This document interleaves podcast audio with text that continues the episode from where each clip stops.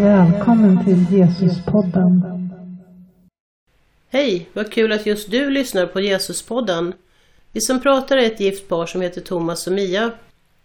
Lyssna gärna även på Söndagspodden där vi vandrar igenom hela Bibeln från början till slut. Uppenbarelseboken är den enda bok som är en uppenbarelse från Jesus själv. Den beskriver de yttersta tiderna och om hur Jesus då till slut ska besegra all ondska. Idag handlar det om brevet till församlingen i Smyrna som vi läser om i Uppenbarelsebokens andra kapitel, verserna 8 till 11. Precis som med alla breven i Uppenbarelseboken kapitel 2 till 3 så är också detta brev dikterat av Jesus och nedtecknat av Johannes. Det syns redan i första versen. Där det står detta budskap kommer från honom som är den förste och den siste som var död men kom tillbaka till livet. Det är en titel som utan tvekan bara kan ges till Jesus. Det ger ju brevet tyngd.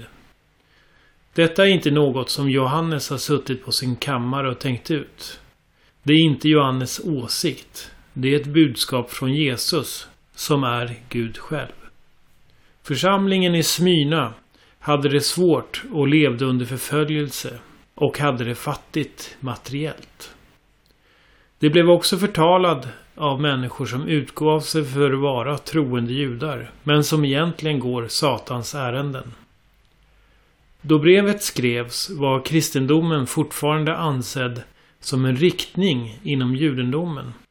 Därav var de troende mer sårbara för kritik från det hållet. Brevet innehåller också en stark uppmuntran till alla som lever under svåra förhållanden. Jesus uppmanar oss att inte bli rädda när vi möter motstånd. Oavsett om det är förtal eller du blir illa behandlad eller till och med hotad till livet. Gud har fortfarande kontrollen. Och han låter församlingen i Smyrna veta vad som ska hända i förväg. Gud har fortfarande full kontroll. Och är inte överraskad av det vi ser hända idag heller. Vi lever nu i en tid där oppositionen är stark mot den som vågar stå rak för evangeliet. Till och med inom kyrkan finns det krafter som går Satans ärenden.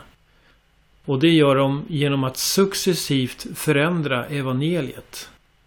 Och det tar sig många former.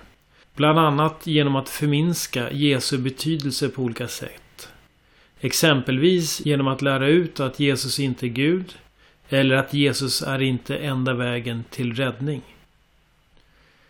Här är det tydligt att Jesus väntar sig att vi inte ska ge efter för motståndet och börja kompromissa. Han säger att det är den som segrar, alltså så den som övervinner motståndet, den som står fast vid tron, även om till och med livet är hotat, som vinner livets segerkrans. Den blir räddad undan Guds dom. För att förbli frälst behöver vi alltså hålla ut. In till döden. Och kraft att leva på det här sättet, det får vi endast genom att vandra i tät gemenskap med Jesus. I vår egen kraft har vi inte mycket att komma med. Detta går helt i linje med Jesu undervisning som vi kan läsa om i evangelierna. I Lukas 14 kan du läsa Den som inte bär sitt kors och följer mig kan inte vara min lärjunge. Om någon av er vill bygga ett torn sätter han sig då inte ner och räknar ut om man har tillräckligt med pengar för att avsluta bygget. Och vidare fortsätter Jesus längre ner. Ingen av er kan alltså bli min lärjunge om han inte ger upp allt han äger för min skull. Salt är bra, men till vilken nytta är saltet om det förlorar sin kraft? Kan man få det salt igen? Det duger inte ens till jorden eller gödselhögen. Det måste kastas bort. Jesu ord är här som ett eko från Uppenbarelseboken och han avslutar med orden Lyssna, du som har öron att höra med. Skriv detta brev till ledaren för församlingen i Smyna. Detta budskap kommer från honom som är den förste och den siste som var död men kom tillbaka till livet. Jag vet hur mycket du lider för Herren. Jag vet också hur de som är emot dig förtalar dig. De som säger att de är judar, Guds barn, men inte är det, för de går Satans ärenden. Oroa dig inte för de lidanden som väntar dig. Djävulen kommer nämligen snart att kasta några av er i fängelse för att pröva er. Ni kommer att bli förföljda under tio dagar. Stå fast vid er tro, till och med när ni möter döden, och jag ska ge er livets segerkrans. Om du kan höra, så lyssna till vad Anden säger till församlingarna. Den som segrar ska inte komma under Guds dom. En sak som sticker ut med breven i Uppenbarelseboken är att Jesus introducerar sig på helt unika och olika sätt till de sju församlingarna. Presentationerna är, som vi idag skulle säga, målgruppsanpassade. När man sedan jämför dem med brevens innehåll förstår man varför.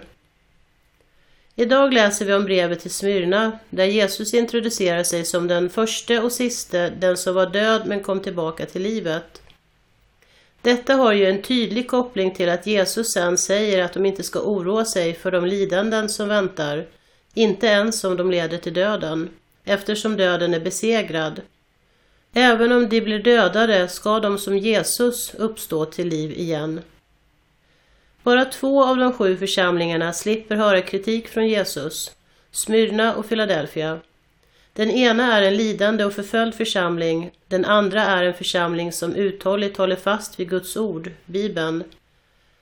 Vad kan du och jag lära oss av detta? Jo, att det är viktigt att vi är uthålliga även när det pressar på. Och att vi liksom Smyrnas församling inte ska oroa oss över det lidande som väntar. Som det står i Romarbrevet 8. Jag är övertygad om att ingenting kan skilja mig från Guds kärlek. Döden kan det inte och livet kan det inte.